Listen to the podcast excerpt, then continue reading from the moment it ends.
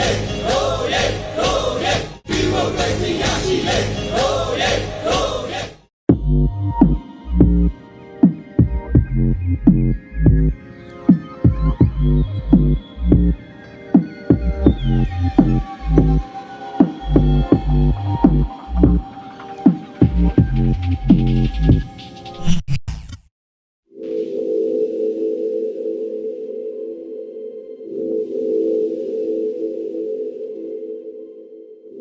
ဒေါ်လာရင်းဒီပြန်စီစဉ်ကနေပြန်လည်ကြိုဆိုလိုက်ပါတယ်မြန်မာနိုင်ငံသူနိုင်ငံသားအပေါင်းမင်္ဂလာအပေါင်းနဲ့ပြည့်စုံသောနေ့ရက်တွေကိုအမြန်ဆုံးပြန်လည်ပိုင်ဆိုင်နိုင်ကြပါစေကြောင်းဒေါ်လာရင်းဒီပြန်စီစဉ်ဝိုင်းတော်သားများမှဆုတောင်းမေတ္တာပို့သလိုက်ပါတယ်ယခုဆိုရင်မြန်မာနိုင်ငံဟာစစ်အာဏာသိမ်းမှုကြီးနဲ့ရင်ဆိုင်ကြုံတွေ့ခဲ့ရတာဆိုရင်တစ်နှစ်တာကာလကိုပြေးသွားခဲ့ပါပြီဒီစစ်အာဏာသိမ်းမှုကြီးရဲ့တစ်နှစ်တာကာလကိုခြေရာပြန်ကောက်ကြည့်မယ်ဆိုရင် ပြည်သက်ကြီးတိမြင်ကြားသိနေရတဲ့အတိုင်းပါပဲမြန်မာနိုင်ငံကြီးဟာစီးပွားရေးလူမှုရေးကျန်းမာရေးပညာရေးအပါအဝင်နိုင်ငံတကာဝန်ဆက်နိုင်မှုကအစအဖက်ဖက်ကချွတ်ချုံကြပျက်စီးသွားခဲ့ရပါတယ်ဒီလိုချွတ်ချုံကြနေတာတွေကိုမြင်တွေ့နေရပေမဲ့လည်းအာဏာသိမ်းမြန်မာစစ်ဗိုလ်တွေကတော့သူတို့ရဲ့အာဏာတည်မြဲရေးကလွယ်ပြီးလူထုရဲ့ဘဝနဲ့ဒုက္ခတွေကိုစိုးစင်းမှလှည့်မကြည့်ပဲရှေ့ဆက်မိုင်မဲနေကြစေပါပဲဒီလိုမှမဲ့မမဲဖိနှိပ်ခံရတဲ့အထင်မှာအင်တာနက်ရပ်ဝန်ဟာလည်းဆူဆူရွရွပါဝင်နေပါတယ် စစ်အာဏာသိမ်းပြီးချိန်ကနေစလို့ဥပဒေမျိုးမျိုးကိုပြင်ဆင်ပြီးဖိနှိပ်လိုက်အင်တာနက်ကိုပုံစံမျိုးစုံဖြတ်တောက်ပြီးဒုက္ခပေးလိုက်လို့လာတာတွေဟာစိုက်ဘာရပ်ဝန်အတွက်တော့လဆင်ကြုံတွေ့နေကြပြဿနာတွေဖြစ်လာပါတယ်ဒီလိုကြုံတွေ့နေကြရတဲ့အထင်မှာတနေ့ပြည့်လူပြည့်ခင်ကာလမှာဆိုရှယ်မီဒီယာတွေကနေတဆင့်ပြန့်နှံ့လာတဲ့စစ်ကောင်စီရေးဆွဲထားတဲ့စိုက်ဘာလုံခြုံရေးဥပဒေမူကြမ်းဆိုတာကြီးကလည်းအင်တာနက်သုံးစွဲသူတွေအတွက် digital ငရေခန်းကြီးတစ်ခုဖြစ်ရည်ရွယ်ဖန်တီးထားလေသလားလို့တွေးဆရလာအောင်ဆိုရပြင်းထန်တဲ့ဖိနှိပ်မှုမျိုးစုံဥပဒေမျိုးစုံကိုထည့်သွင်းထားတာတွေ့ရပါတယ်။ စစ်ကောင်စီဟာသူတို့နဲ့ဆက်နွယ်နေသူတွေစီးပွားရေးလုပ်ငန်းတွေအတွက် social punishment လို့လူမှုရေးအပြစ်ဒဏ်ကိစ္စရပ်တွေအတွက်ပဲဖြစ်ဖြစ်ဒါမှမဟုတ်လူထုတရက်လုံးပါဝင်ရမယ့် silent strike လို့စစ်အာဏာရှင်ဆန့်ကျင်ရေးအတွက်လူထုရဲ့သဘောထားတစ်ခုတည်းရှိကြောင်းထုတ်ဖော်မှုပြရုပ်တွေအတွက်သတင်းစကားဖြန့်ဝေရမှာသုံးစွဲတဲ့ social media platform တွေကိုအတော်လေးမျက်စိစပမွေးဆူနေတာပါ။ ဒါကြောင့်လည်း social media တွေကိုအသုံးပြုခွင့်မရအောင်ပိတ်ပင်မှုစူးစမ်းခဲ့ပါတယ်။ဒီလိုစစ်ကောင်စီကစ조사ပြီးမှလည်းလူလူကတော့ VPN မျိုးစုံအသုံးပြုပြီးစစ်ကောင်စီပိတ်ပင်ထားတဲ့ internet ပေါ်ကဝယ်ဆောင်မှုမျိုးစုံကိုမရမကသုံးဆွဲကဆေးအာနာရှင်တော်လင်းတိုက်ပွဲအတွက်ခိုင်မြဲစွာလက်တွဲညီခဲ့ကြပါတယ်ဒီလိုနဲ့ကြံရများတဲ့အဆုံးမှာစစ်ကောင်စီဟာစိုက်ဘာလုံခြုံရေးဥပဒေကိုပြဋ္ဌာန်းပြီးတနည်းတစ်ပုံချုပ်ကံမှုအကြံစီပြန်ပါတယ်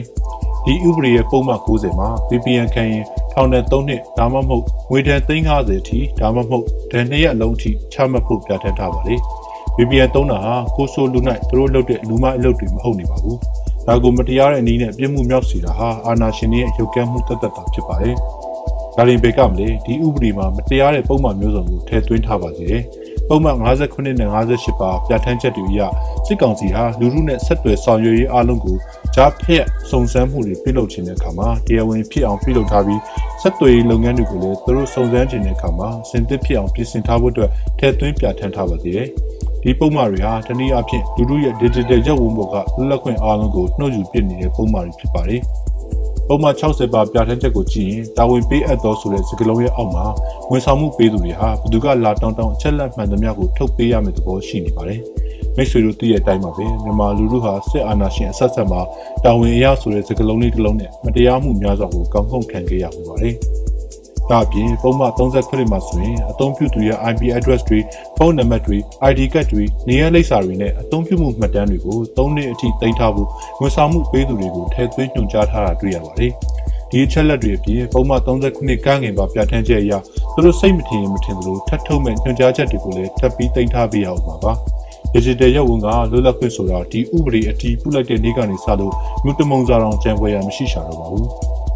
ဒါရင်ဘယ်ကမလဲ digital platform ဝန်ဆောင်မှုလုပ်ငန်းတွေကလည်းစစ်ကောင်စီရဲ့ဒီဥပဒေအရဖွဲ့စည်းပေးမဲ့ဦးစီးဌာနကအကြောင်းကြားလာတဲ့အချက်လက်တွေကိုဖယ်ရှားပေးရအောင်မယ်လို့ဆိုထားပါတယ်။တနည်းအားဖြင့်တော့သူတို့သဘောမတွေ့တာတွေတင်ရင်ဖျက်ပစ်ဖို့ဆိုလိုတာပါပဲ။လူတိုင်းရရှိဖို့လိုအပ်တဲ့ရသင်ရထိုက်တဲ့အခွင့်အရေးတွေဖြစ်တဲ့လွတ်လပ်စွာအတွေးအမြင်မျှဝေခွင့်တွေဟာဒီဥပဒေကျမ်းသာအတည်ပြုလက်တာနဲ့တပြိုင်နက် digital ရုပ်ဝန်မှာသိဆုံးသွားမှာဖြစ်ပါတယ်။ပြောတော့ပြောရတာအခုလဲစိုက်နေစိုက်နေပါပဲလေ။ နောက်ပြီးဒီဥပဒေအခန်း6ရဲ့ကိုရေးဆိုင်ရာအချက်လက်ကာကွယ်ခြင်းအခန်းမှာပြဋ္ဌာန်းထားတဲ့ပြဋ္ဌာန်းချက်တွေဟာ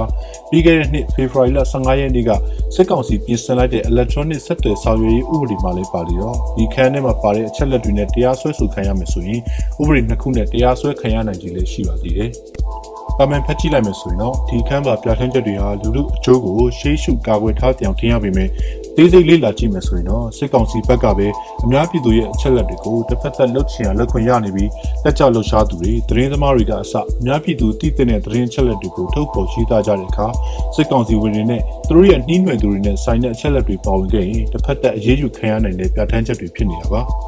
ဒီကမ်းပါပြဋ္ဌာန်းချက်တွေနဲ့ပတ်သက်ပြီးယခုလက်ရှိ NUG ရဲ့လူခွင့်ရေးဆိုင်ရာဝန်ကြီးဌာနဝန်ကြီးဖြစ်တာဝန်ယူထားတဲ့ဦးအောင်မျိုးမင်းကလည်း electronic ဆက်သွယ်ဆောင်ရွက်ဥပဒေပြဋ္ဌာန်းစဉ်ကအောက်ပါအတိုင်းဝေဖန်ထောက်ပြခဲ့ပူပါတယ်။ မိတစ်ဖက်ရေတစ်ဖက်ပါဘာကြောင့်လဲဆိုတော့လူခွင့်ရေးတက်ကြွလှုပ်ရှားသူတွေကိုတရားရောက်ရဲ့ကိုရေးကိုယ်တာအချက်လက်တွေဖွင့်ချတာမလုပ်နိုင်အောင်တားဆီးထားသလိုတခြားကလည်းသူတို့ဘက်ကလှုပ်ချင်လှုပ်နိုင်အောင်ခွင့်ပြုထားလို့ပါပဲ။တားဆီးရဲ့အပိုင်းပါတယ်တခြားတစ်ဖက်မှာချွင်းချက်အနေနဲ့ဒီဇဲဥပဒေတရရခွင့်ပြုချက်ရရှိခြင်းအစိုးရဌာနစုံစမ်းစစ်ဆေးရေးအဖွဲ့တရားဥပဒေစိုးမိုးရေးအဖွဲ့တစ်ခုခုက၎င်းတို့ရဲ့လုပ်ငန်းတာဝန်အသီးသီးရပြုလုပ်မယ်ဆိုပါကရှာဖွေထောက်လန်းခြင်းစုံစမ်းစစ်ဆေးခြင်းသတင်းရယူခြင်းတရားစွဲဆိုခြင်းတရားရုံးတွင်သက်သေခံဖြစ်ထည့်သွင်းနိုင်ပါသည်လို့ဆိုထားပြန်ပါသေးတယ်။မျိုးလို့ရင်ငါတို့ဖမ်းမယ်ဒါပေမဲ့ငါတို့ကတော့လက်ခွင့်ရှိရဆိုတဲ့သဘောပါပဲကိုဆိုးတာကတော့ဘလို့အချက်တွေကိုရှာဖွေရှိတယ်လဲဘလောက်အတိုင်းတာထိလက်ခွင့်ရှိတယ်လဲဆိုတာကိုတိတိကျကျမပြောထားတဲ့အတွက်စိတ်ထင်တိုင်းလက်ခွင့်လက်စီကိုပေးထားသလိုဖြစ်နေပါတယ်ဒါကိုကြည့်ရင်ကိုရေးဆိုင်ရာအချက်လက်ကာကွယ်ခြင်းအခမ်းမှာပေါ်ဝင်တဲ့ပြဋ္ဌာန်းချက်တွေဟာဘလောက်တစ်ဖက်သက်ဆန်နေဆိုတာမိတ်ဆွေတို့ထင်ထင်ရှားရှားသိနိုင်ပါတယ် ပုံမှန်ရှိတာဝန်မှုမှာကန့်သက်ချက်ရစိုက်ဘာလုံခြုံရေးအဖွဲ့တွေဟာဦးစီးဌာနရဲ့ခွင့်ပြုချက်နဲ့သာလက်ခွင့်ဆောင်ရွက်ခွင့်ရမှာမလို့စစ်ကောင်စီလိုချမဟုတ်တဲ့စိုက်ဘာလုံခြုံရေးနဲ့ဆိုင်တဲ့သိမှုမျှဝေခြင်းဆိုင်ရာအသိပညာတွေကိုလွတ်လပ်စွာမျှဝေနိုင်မှုတွေကိုပါဒုက္ခကောင်းကောင်းပေးနိုင်မယ့်သဘောပါ ဒါ့အပြင်ဒီဥပဒေအရဖွဲ့စည်းလာမယ့်ဗဟိုကော်မတီဦးစီးကော်မတီရဲ့ဦးဆောင်သူတွေဟာ IT အကြောင်းနဲ့ IT ရုပ်ဝန်အကြောင်းကိုတီမီခောက်မှုသူတွေထက်စစ်အာဏာရှင်တွေနဲ့စစ်အာဏာရှင်အလို့ကျလက်ပါစေပြီးတက်တက်နေတာဖွဲ့စည်းထားမယ့်သဘောရှိတာကြောင့်ဒီဥပဒေဟာမြန်မာနိုင်ငံက digital သုံးစွဲသူတွေအတွက် digital ငရေကန်းတစ်ခုကိုဖော်ဆောင်ပေးဖို့တက်တက်တာဖြစ်ပေါ်လာတဲ့စစ်ကောင်စီရဲ့အလို့ကျဥပဒေတစ်ခုသာဖြစ်ပါကြောင်းပြည်သက်ကြီးကိုတင်ပြရင်းနဲ့နောင်ပတ်များမှာလည်းတော်လိုင်းနည်းပညာစီစဉ်ကနေဘလို့အကြောင်းအရာတွေကိုတော်လိုင်းကာလအတွက်ဆက်လက်တင်ဆက်ပေးသွားအောင်လဲဆိုတာကိုစောင့်မျှော်ကြည့်ရှုပေးကြပါဦးခင်ဗျာ။